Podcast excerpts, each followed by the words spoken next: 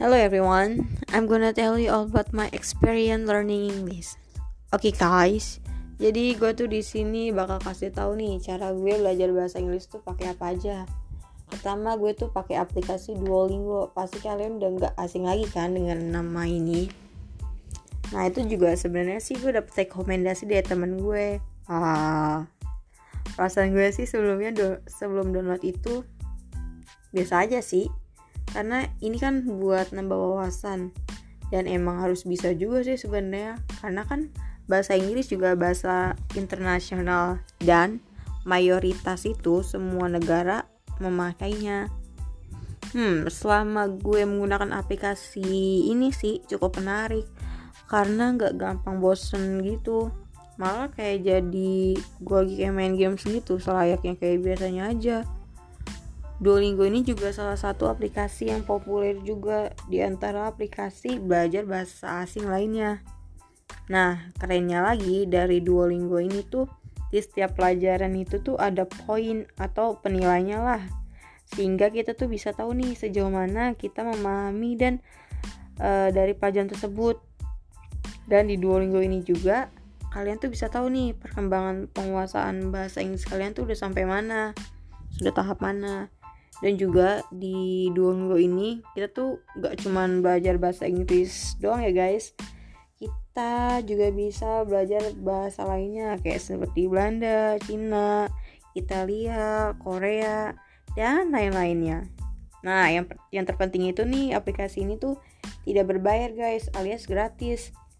Kalian bisa download di Play Store, Apple Store atau maupun yang lainnya. Tapi yang gue rekomend sih di modroid.com ya guys.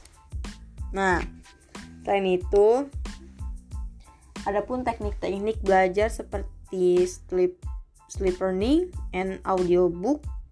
Tapi nih menurut gue tuh di audiobook itu tuh menceritakan tentang ada seorang pemuda yang bernama Robin Hood yang sangat ingin menjadi seorang pelaut. Akan tetapi tuh keinginannya tuh tidak disetujui oleh orang tuanya. Karena itu menurut mereka tuh berbahaya untuk dirinya. Tapi karena keinginan Robin tersebut terlalu besar, akhirnya tuh Robin tuh memaksakan untuk tetap belayar menjadi seorang pelaut.